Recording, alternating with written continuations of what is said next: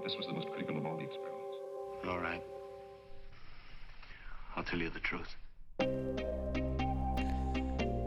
Måndagen den 3 april 2017 då träffade jag ett antal andra eh, asylbolag varandra på ett kontor på Kungsholmen. Eh, det var ett strategiskt möte kan man säga. Eh, och agendan var att förlänga, inte asylkrisen, men att förlänga behovet av eh, ABTR. Alltså den typen av upphandlade asylboenden som eh, vi jobbade med då. Och eh, det är det vi ska prata om idag. Avsnittet kommer att heta Lagen om skydd och olyckor. Och det här är avsnitt 27 av Sverigesyndromet. Jag heter Mattias Hellström och eh, eh, välkomna hit. Det börjar egentligen tidigare kan man säga. Eh, och jag har, jag, har i tid, jag har i andra avsnitt sagt att jag ska komma till det här avsnittet. Och eh, det är... Eh, det är på gott och ont. Nej, det ska jag inte säga. Jag har blandade känslor inför det här avsnittet, måste jag säga. Jag har ju någonstans sagt att jag ska vara transparent och erfarenhetsbaserad och eh, liksom ge er lyssnare en eh, möjlighet att eh, själva bedöma om saker är bra eller dåligt och, och kontrollera källor och liksom sådär. Så att det här avsnittet är lite, Ja, för mig är det lite både roligt och jobbigt. Eh, därför att eh, som en glad eh, skattebetalare så, så kan man väl säga att det finns tveksamheter i att liksom för någonstans förlänga liksom boendesituationen vid tidpunkten. Men eh, eh, det var ändå ett gediget väl underbyggt arbete som gjordes. Eh, kan man säga. Så att det, det blir spännande det här. ni, får, ni får ta det för vad det är. Eh, man kan säga så här. För 2015 eh, så förlorade eh, Migrationsverket i kammarrätten. Eh, det var, motparten var kommunalförbundet Gästrike räddningsförbund. Alltså räddningstjänstförbund. Och frågan något eh, enkelt var vem som hade ansvar för eh, brandskyddet i lägenheter. Eh, och, och, för att... Och, eh, alltså det handlar om alltså att vidta åtgärder enligt lagen om skydd mot, eh, mot olyckor. Då. Ehm, och då, det finns ju, jag har ju förklarat förut att det finns två olika verksamhetsklasser, eller många verksamhetsklasser. Men, men just anläggningsboende så har ju vi haft VK3B som, eh, Eh, som verksamhetsklass, alltså gruppboenden. Och det finns också VK3A som är mer lägenheter. Och eh, det här var det som föranledde eh, dels det här mötet som vi hade den 3 april. Där, men också den eh, eh debattartiklar och diskussion som, som vi hade innan kan man säga. Eh, och det, det handlar egentligen om att det är nyttjanderättsinnehavaren och verksamhetsutövaren som, som ska ansvara för brandskyddet och i, i det här fallet då Migrationsverket. Eh, som överklagade eh, räddningstjänstens beslut i, i, i Länsstyrelsen då. Eh, så. Och det här hände 2015. Migrationsverket hade ett föreläggande om tre månader på att åtgärda. Och det är väl ingen stor sak så. Alltså man, det, man, myndigheter och, och, företag och eh, organisationer och så behöver ibland tvista för att reda ut ansvarsfrågor. Så att det, det i sig tycker inte jag är några no, större konstigheter. Um, det är däremot, eh, och nu ska jag säga så här, jag är inte jurist. Utan jag har eh, liksom gjort ett arbete utifrån eh, underlag som jag har samlat ihop. Jag har haft viss hjälp av andra, jag tänker inte namnge dem för jag tycker inte det är schysst. Jag står för det jag säger. Ehm, och, eh, så det, det, är klart att det här är också kan vara tolkningar från min sida. Genom som inte är helt eh, juridiskt eh, superklara. Ni får själva läsa eh, kammarrättens dom Ehm, allting det här kommer ligga, ligger när avsnittet sänds på eh, Facebook-sidan Sverigesyndromet. Eh, där ni själva kan klicka in på artiklar, eh, debattartiklar. Ni kommer att kunna hitta ehm, den här domen jag pratar om nu i fulltext. Så att ni själva kan läsa in er på, på den här frågan. Då.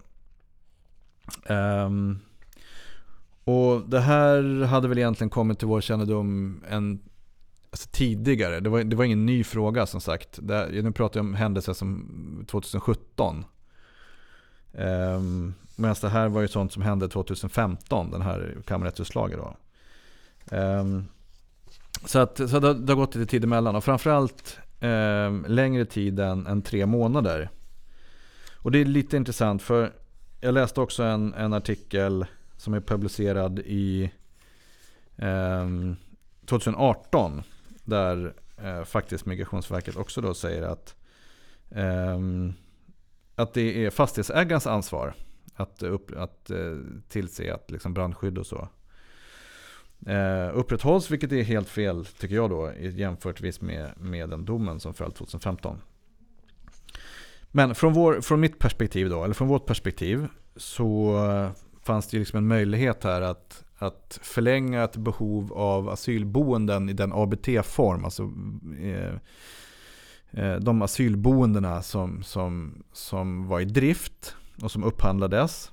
Eh, därför att ju fler lägenheter som, som Migrationsverket använde ute i landet eh, och som de kunde använda ute i landet, desto, desto mindre behov var det ju av eh, liksom, våra boenden.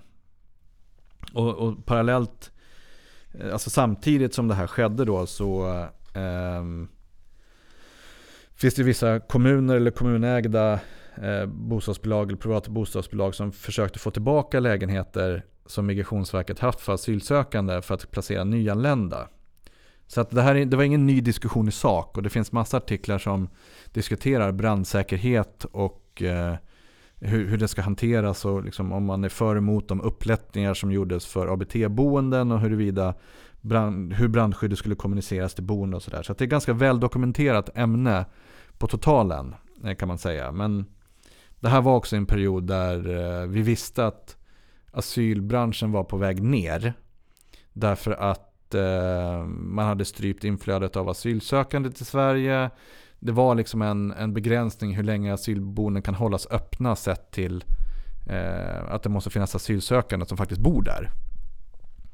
Så det här var väl liksom en så här hyfsad eh, eh tidpunkt. Och i eh, alltså 2015 i augusti någonstans så hade Migrationsverket i alltså 1922 lägenheter i nord, 1623 mitt, 1200 i väst 849 öst och cirka 1680 syd. Så det gör alltså typ 2, 3, 4, 5, 6, 7 8 tusen lägenheter i Sverige. Så det är ändå en ganska stor volym. Um, och um, alltså det jag gjorde då, eh, eller vi gjorde då, jag kommer att prata i jag-form nu. Även om det var andra som också var delaktiga i det här. Ehm, så får ni själva eh, tycka vad ni tycker där. Eh, så. Och då var det så här. Jag skickade ett mail i någonstans mars 2017 till en enhetschef på Migrationsverket och ställde frågor hur, hur de hanterar eh, personer som inte har en familjekoppling. Därför att i domen så klargörs då alltså att om om personerna som bor där liksom inte har en närmare relation så ska man likna det med anläggningsboende. Medan en familj där alla känner varandra i sak är, kan vara en lägenhet. Och det gör att brand, eh, alltså reglerna om, om, om hur brandskyddet ska vara utformat och kontroller ska ske och liknande är väldigt olika. Så att ta då ett exempel att man placerar två ensamkommande eh, män till exempel som inte känner varandra i en lägenhet. Och så låt säga att de har varsitt rum och sen så kan de låsa sina rum och de delar kök och, och entré och, och tv-rum och sådär. Då är det att betrakta som ett anläggningsboende. Därför att eh, de kan ju inte i sin tur kanske veta hur den andra agerar eller hittar på för saker. Så, till skillnad från en familj där man känner varandra. Så att nyckelordet är väl att man har en relation och känner varandra på något sätt. Så. Eh, och vi visste ju att, att man även placerade liksom ensamkommande eh, män och kvinnor i lägenheter som inte hade en, en familjerelation. Så då, då ställde jag eh, en, och det, jag ska tillägga så här att det här eh, det här mejlet finns att hämta hem eh, om man söker på diarienummer 3.1.2.6-2017-35555 hos Migrationsverket. Då får man ut hela det här mejlet eh, med konversation och alltihopa. Så, men i likväl, fall, jag mejlade en enhetschef då i Västernorrland, eller Västerbotten och frågade hur, eh, eh, liksom hur fördelningen ser ut. För de hade de ungefär 115 lägenheter belägna i Västerbotten. Eh, och så frågade jag hur ser fördelningen ut mellan lägenheter där det bor familjer i och lägenheter där det bor personer utan familjekoppling, det vill säga ensamkommande män eller kvinnor. Och så fick jag då svaret att eh, ja, men det är olika beroende på lägenhetens storlek och särskilda behov och sökande. Inget annat generellt. Så. Ett första tecken på att, att man då inte tar hänsyn till eh, lagen om skydd och olyckor i förhållande till brandskydd. Då. Så jag följde upp med en fråga. Hur bedömer ni brandskyddet i lägenheter där placeringar ej omfattar familjer?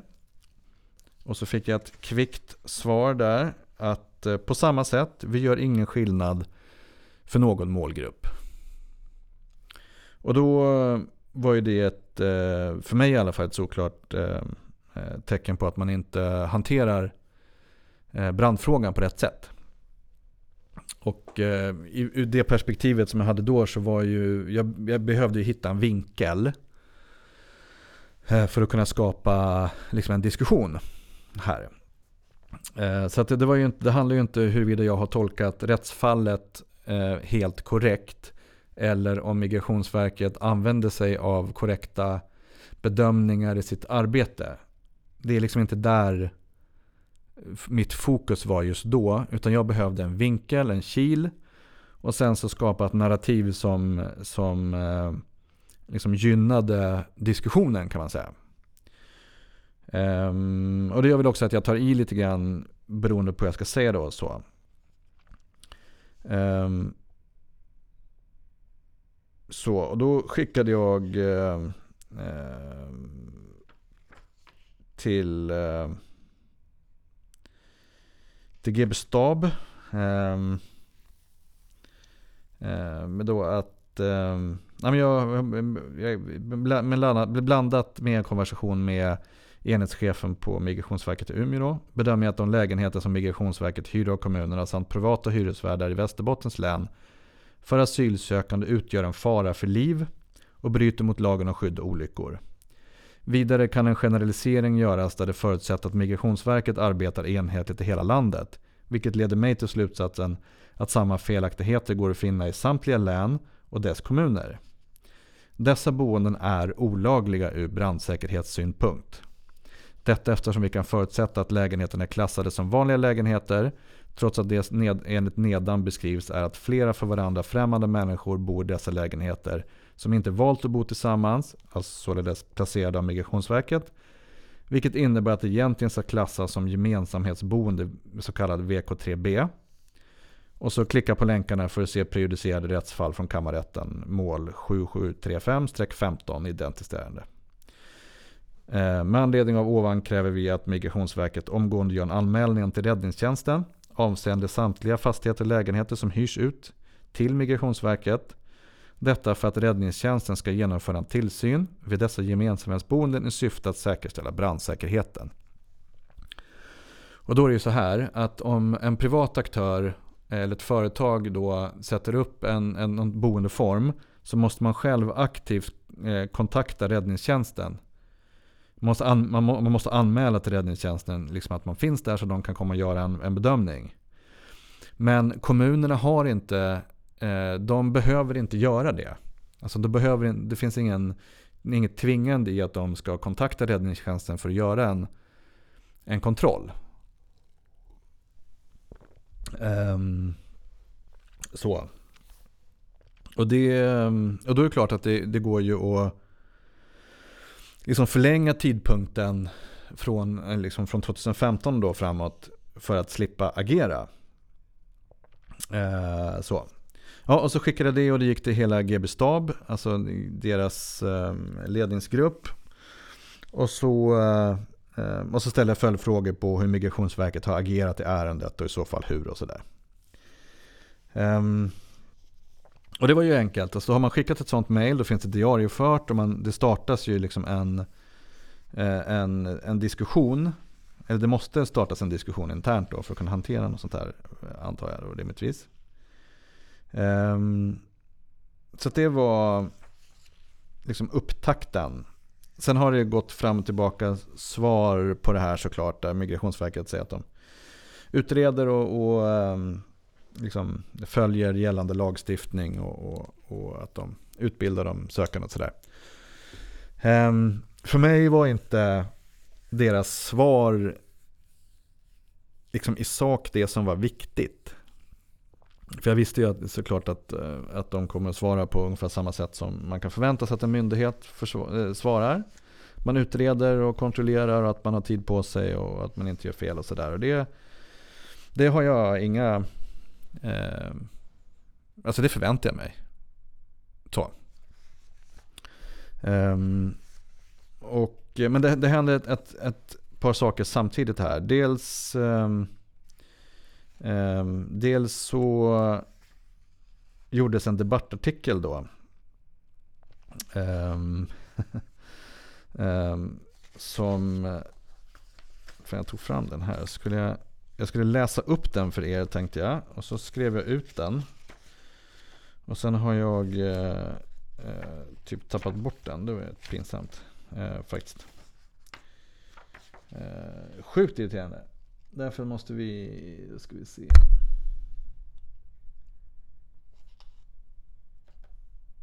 Där har vi den. Okej. Okay. idag kommer det bli flera sådana här att jag läser upp saker. Därför att jag känner att jag, jag behöver liksom läsa saker i sin, i sin helhet. Um, så. Och då skrev, skrevs en, eh, en, eh, ett pressmeddelande från, från Bert Karlsson då. Som jag hade författat runt liksom min, eh, ja, all information som jag hade tagit fram och också i samband med det här mejlet till, till Migrationsverket. Och det här eh, pressmeddelandet gick ut till typ alla tidningar i hela Sverige. Jag hade en sån här lång lista på, på mottagare. Eh, och då skrev jag så här. Migrationsverket placerar asylsökande i brandfarliga lägenheter. Inom parentes. Eller människor riskerar att brinna inne i Migrationsverkets lägenheter. Alltså jag tog i höjd. Det var ju... Ja. Migrationsverket placerar regelbundet och kontinuerligt asylsökande i brandfarliga lägenheter och bryter därmed medvetet mot lagen. Migrationsverket är mycket väl medvetna om den dom kammarrätten fastslog 2015, diarienummer 2015-7735, i vilken Migrationsverkets lägenheter konstateras ha bristfällig brandsäkerhet. Trots detta har Migrationsverket kontinuerligt fortsatt placera asylsökande i samma sorts boenden över hela landet. I dagsläget bor cirka 32 700 människor i lägenheter som hyrs av Migrationsverket. Drygt 3 000 lägenheter. Ehm, och, och drygt 3 000 lägenheter av dessa kommer från allmännyttan. Och endast en bråkdel av dessa lägenheter uppfyller gällande brandskyddskrav. Ehm, att Migrationsverket medvetet och systematiskt riskerar människors liv är häpnadsväckande. Jokario är Sveriges största aktör inom asylboenden och vi uppfyller alltid de av myndigheter högst ställda brandskyddskraven i våra boenden. Och vi har både på lednings och operativ nivå påtalat för Migrationsverket att deras egna lägenheter utgör fara för liv, men för döva öron. En av Migrationsverkets kärnuppgifter är att sörja för asylsökande människors boendesituation. Migrationsverkets krassa agerande där man domar och rättsfall till trots på ett utstuderat sätt kringgår lagen och riskerar folks liv genom att placera dem i brandfarliga lägenheter står i bjärt kontrast till detta uppdrag. Till skillnad från den dramatiska och krävande hösten 2015 har Migrationsverket idag gott om säkra boenden att placera människor i, så det finns inga ursäkter. Vi har kontaktat Migrationsverket, samtliga Sveriges kommuner och otaliga räddningstjänster för att få en rättvisande bild av situationen. Grundfrågan är hur en myndighet som Migrationsverket kallt och beräknande ignorerar en fällande dom utan att få konsekvenser. Eftersom Migrationsverket trots påstötningar inte är villiga att agera i denna fråga uppmanar Jokario härmed migrationsminister Morgan Johansson samt civilminister Ardalan Shekarabi att utreda grunden till denna grova felaktighet, omgående vidta korrigerande åtgärder och tillse att dessa livsfarliga boendeformer omedelbart stoppas. 2017 03 31. Ehm, det är ju, ja, alltså som, som jag sa tidigare, alltså verkan i målet. Det här var ju skrivet på ett sätt att det skulle bli eh, lite dramatiskt. Men också inte helt osant tycker jag. Nog för att eh, dramatiken i mejlet kan liksom ligga i den övre delen av skalan. Men grunddelarna eh, liksom känns ändå att de sitter där på plats. Alltså det fanns Gott om säkra boenden. Det fanns jättemånga upphandlade asylboenden som stod och väntade på att ta sig drift. Eh, kommunerna behövde få tillbaka lägenheter. Eh, vi hade väldigt höga ställda brandskyddskrav på våra anläggningar. Liksom, och alla andra operatörer också. Man fick jobba eh, liksom kontinuerligt och, och mycket med. Tids och eh, pengakrävande. Um, ehm, Samt att, men sen är det klart att jag förstår någonstans också att Migrationsverket behövde alla lägenheter. För det var en otroligt belastande tid för Migrationsverket. Eh, jag har ju svårt att se att man samtidigt skulle börja göra en så omstrukturering, säga upp lägenheter, flytta folk. Det hade liksom blivit ogörligt. Å ena sidan. Så att, att man avvaktade liksom, den här domen kom ju mitt under brinnande asylkris 2015. Det är självfallet att man inte agerar då. Och det förstår jag och jag tycker nästan att det var korrekt hanterat därför att det hade blivit en belastning på en redan belastad myndighet. Med det sagt så, så var, ju, hade, var ju, den här agendan var ju annorlunda nu. Liksom utanför att sitta och fundera på vad de kunde och inte kunde göra. Så att jag har förståelse för, för deras icke-agerande. Jag har också förståelse för att man, det här är någonting man kan tolka liksom på många sätt. Eh, utan att eh, liksom slå in spikarna så hårt som jag gjorde i, det här, i den här texten. Men grund, grundpoängen var ju ändå att, att eh, kommunicera att man någonstans bröt mot lagen. Då. Ehm, och då skrev jag här också att jag hade kontaktat kommuner och eh, eh, kommuner och räddningstjänster. Ja, det gjorde jag ju. Jag eh, eh, skickade ett mail eh, till, eh, till alla kommuner och alla räddningstjänster som jag kunde få fatt på. Eh, där jag också ja, men då ställde frågan till, eh, ja, men till kommunerna att, eh, att de kanske bryter mot lagen. Liksom. Och att de måste ta och korrigera det. Eh, och då formulerade jag det så här. Eh, att, Eh, ehm, att de här boendena kan vara olagliga ur brandsäkerhetssynpunkt. Eftersom lägenheterna kan vara klassade som vanliga lägenheter trots att det beskrivs i många svar då, som jag fick att det är främmande människor som bor där. Och sen bara uppmanade de att göra en anmälan till räddningstjänsten så att de kunde kontrollera de här lägenheterna. Um, och uh, det, det, det, främsta svaret jag fick, för det första var det så här. Jag mejlade alltså ut till alla kommuner i Sverige och eh, också till deras till vdarna liksom i alla, alla de här uh, fastighetsbolagen. Så under typ en tre veckors period så fick jag ta emot Alltså sluta aldrig ringa. Folk, alltså det ringde ju fastighetsbolags vd och kommunfolk och typ skrek mig i örat. Och eh, undrade varför jag höll på att hota dem och, eh, och sådär. Lite grann för att jag tog ju också i i mejlet. Jag, liksom, jag skrev ju bokstavligen att, de, att ni bryter troligtvis mot lagen. Vilket ju kan ses lite grann som eh, anklagande.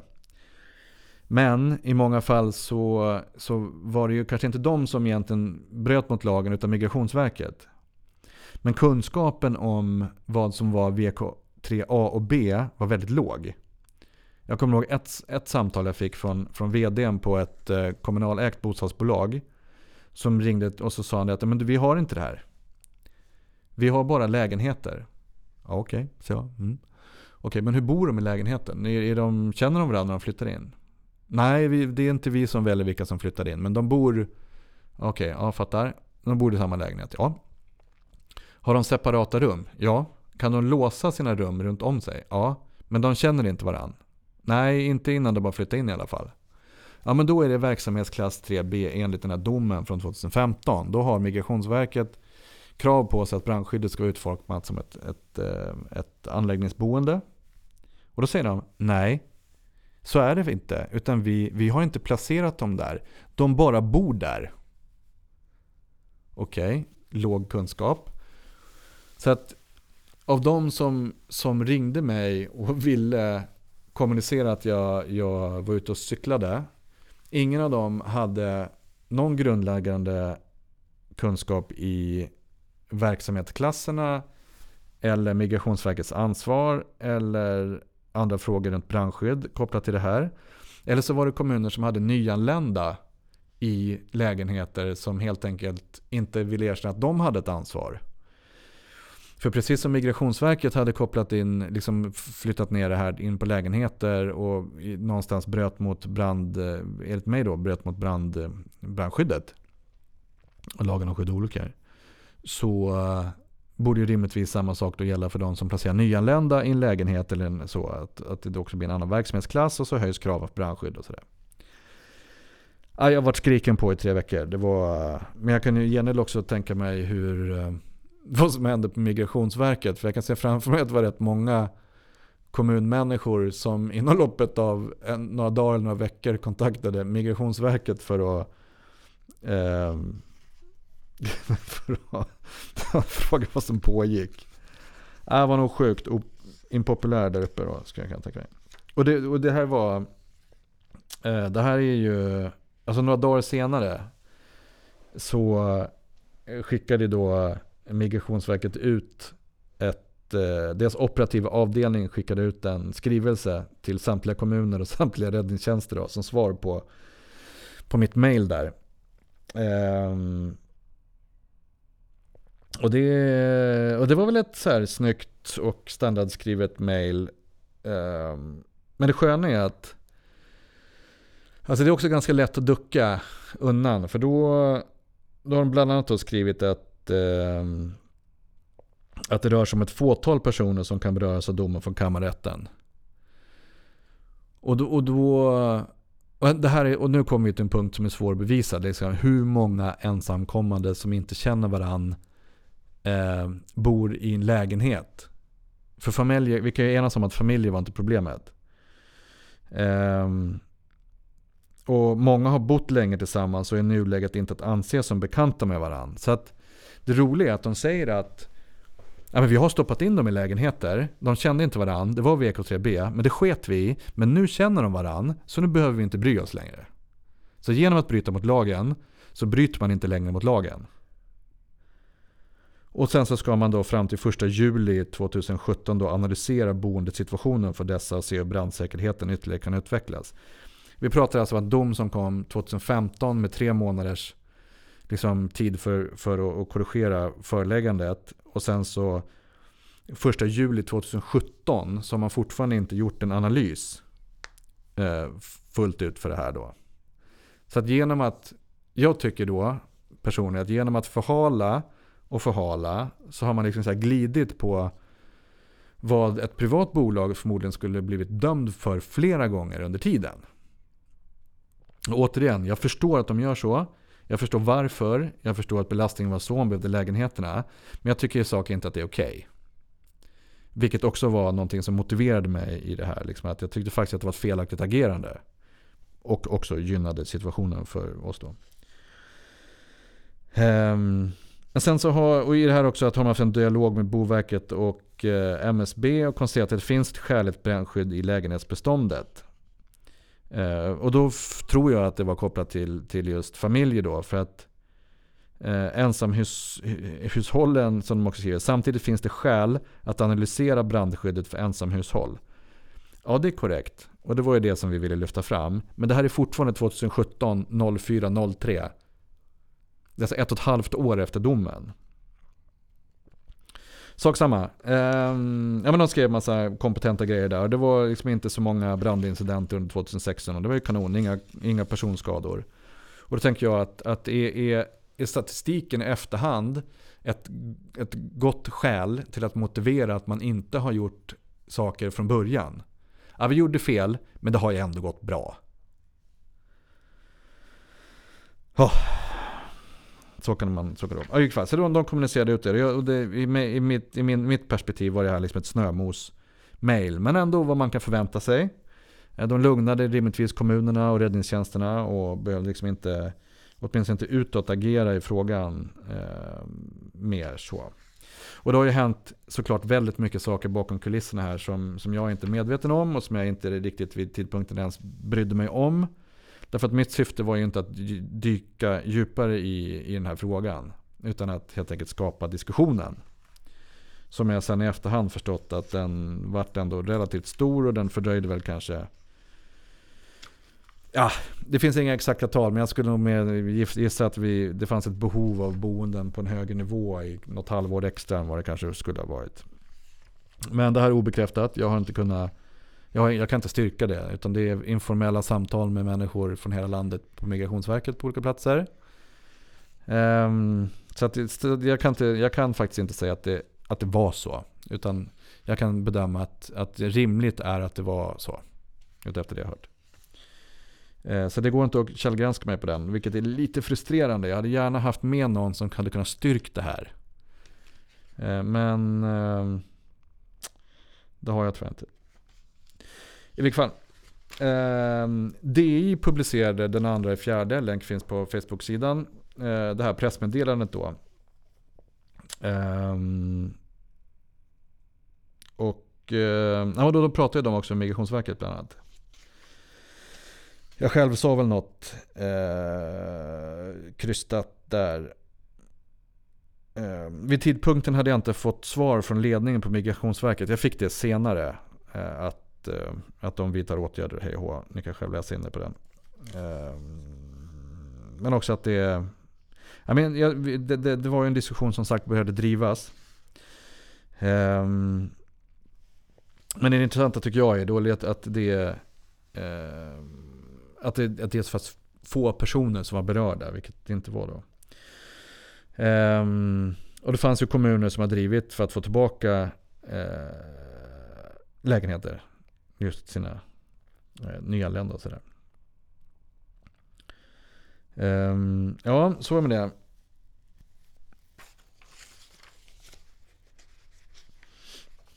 Men åter tillbaka till vårt möte då. Ja, precis. Och i, i samband med det så hade vi också ett, ett, ett möte då, flera aktörer. Vi diskuterade det och lite andra saker. Um, och helt enkelt för att få liksom, en bra spridning på det här. För det låg i allas intresse. Och då, då handlar det också om att eh, alltså man kan inte bara höra av sig till räddningstjänsten och säga att eh, Migrationsverket hyr eh, lägenheter i, i, på den här orten. Liksom vänligen kontrollera. Utan för att få dem att agera så behöver man säga att Migrationsverket hyr lägenheter på den här adressen. Och den här exakta adressen Eh, liksom det finns anledning att kontrollera det för vi tror att de bryter mot lagen om skydd och olyckor. Eh, och eh, ehm, det var väl det som, det är sådana mail som jag skickade sen till Migrationsverket. Eller till, eh, förlåt, till, eh, till räddningstjänsten. Ehm, och bland annat så skickade jag ett mail eh, med ett annat diarienummer som har 3.1.2.6 2017 38439. Finns på, eh, på, det kommer finnas på Facebook-sidan. Ehm, och ehm, då skickade jag då att, ehm, att det fanns i Norberg då. Att det fanns, eh, och det fanns ett annat boende också. Eh, och då fick jag ett svar att det inte fanns den typen av boenden och att räddningstjänsten hade gjort en, en eh, kommunen hade gjort en kontroll. Och då skickade jag liksom in de exakta adresserna. Liksom adress den här, fastighetsnummer den här, den här, den här med adresserna ja, 1 ATC, 2 ATC, 3, 4 ATC, 5 ATC. Så här. Eh, just för att eh, påkalla en, en, en bedömning av de specifika lägenheterna. Så vi, det var ett gediget arbete också att skicka ut sånt. Hitta lägenheter och skicka ut för att det skulle liksom bli lite fart på räddningstjänsterna där ute. Det här följde vi inte upp eh, i efterhand. Utan det var mer också liksom för att sätta en boll i rullning och sen så fick det liksom gå lite grann som det gick. Um, så. Um, och uh, i samband med det här så gick också asylboendeföretagen Almega Eh, ut och gjorde en, ställde frågor till Migrationsverket. Jag är lite osäker på eh, exakt datum där. Jag vet att det var Alltså Almega, det är alltså Almega asylboendeföretagen som var någon typ av eh, alltså en ideell förening inom Almega tjänsteföretagen som organiserar företag. Jag var inte en del i det, men Eh, de var liksom en del i diskussionen kan man säga. Eh, som ställde massa frågor till, till Migrationsverket också. Så det var liksom press från olika håll. Dels från eh, liksom Bert som gjorde sin pressmeddelande och sen så från alla mina mail ut till alla kommuner, alla räddningstjänster. Och så de här, framförallt den här intervjun, liksom mina konkreta mejlsvar från en enhetschef som styrker att de inte tar hänsyn på det sättet som, som, som de skulle göra då. Um, så att det var en, eh, det var nog rätt, um, alltså det, det, blev rätt omfattande. Um, faktiskt. Um, och då och i kölvattnet av det här så fick jag, fick, fick jag, har jag fått skäll länge av kommun och räddningstjänster efter det också. Um, men det kändes som en naturlig del i liksom, arbetet då. Eh, plus att um, det var också viktigt, eller jag tycker att det var viktigt att ändå belysa um, att, att det, det gjordes fel enligt ehm, um, vår tolkning då. Men det här, det här mötet tyckte jag var lite kul. Eh, så, för jag har ju aldrig ägt ett bolag. Alltså ett asylbolag. Jag har ju jobbat liksom för någon annan som äger asylboenden. Vilket gör att jag har ju liksom inte gjort de, alltså de här pengarna som man, man säger att asylentreprenörer liksom har dragit in. De har ju inte jag gjort. Däremot när det var ett möte med andra ägare så var det roligt. Alltså jag, jag skojar inte. Klockvärdet i det här mötet kan ju omöjligt varit under en och en halv miljon. Alltså jag skojar inte. Alltså jag kunde lika väl komma dit i en sån här plastklocka eh, jämförelsevis. Detaljer som vi kan spara. Ehm, så. Välbeställda människor eh, i det fallet. Eh, men också välmotiverade. Många väldigt smarta. Och eh, annars så hade man inte lyckats med det här heller. Eh, så är det. Så det var en... Eh, eh, det var en... Eh, ibland skäms jag över det här och ibland så är jag så supernöjd över att liksom det exkriverades så opinionsbildande och opinionsdrivande som det gjorde. Um, lite tråkigt att jag inte kan mäta effekterna riktigt. Men um, jag får väl eh, prata med eh, chefen på Migrationsverket vid något tillfälle. Och, och, och skaka hand och hoppas att vi är på goda fötter. Men, men då, någonting som faktiskt eh, irriterade mig lite nu på morgonkvisten när jag satt och samlade material. Det var ju faktiskt den här artikeln 2018 då. Eh, som är gjord eh, uppenbart senare. Eh, för där, där är man i Värmland. Det här är SVT Nyheter som har gjort den här artikeln. Länken finns på Facebook-sidan. Och här är det liksom och då kommer man till den här utbildning. För en del i att eh, liksom säkerställa brandskydd är att utbilda de som ska flytta in i lägenheter. Och det vet jag var bristfälligt. Kanske inte i hela Migrationsverkets bestånd. Eh, men jag vet att på vissa ställen så var det periodvis, med tanke på att jag bara kan bedöma de perioderna som jag pratar med folk, liksom bristfälligt. Plus att eh, och det, det, det, den här artikeln säger så väl. Liksom blandat. Så, ja, men det, det, det förelåg brandrisk i lägenheterna. I flera av dem var köksspisarna påslagna. Eh, och då säger då Abbas Shafai här då, som bor i en av lägenheterna i den här artikeln. Att på vintern kan man inte leva här. Ehm, det är jättekallt i huset. Och det här är en sak som jag har mött på jättemånga gånger. Att man sätter på kokplattor eller spisar på full fräs. Alltså alla plattor. Så att, och ugnen så att den blir som en värmekälla. Vilket slutar med att den går sönder ganska snabbt. För en, en, en spis är inte, inte gjord för att brukas på det sättet. Eh, och så föreligger såklart brandrisk. Och sen så blir det, börjar man dessutom koka vatten för att få upp vattenånga så att det ska bli varmt. Så får man ju mögel i all ventilation och sen så förstör man lister. Det kan liksom börja bli svamptillväxt. Det är verkligen otäckt för en fastighet. Eh, så. Och, och jag hade inte sett förut att någon annan också hade tagit upp det på det sättet.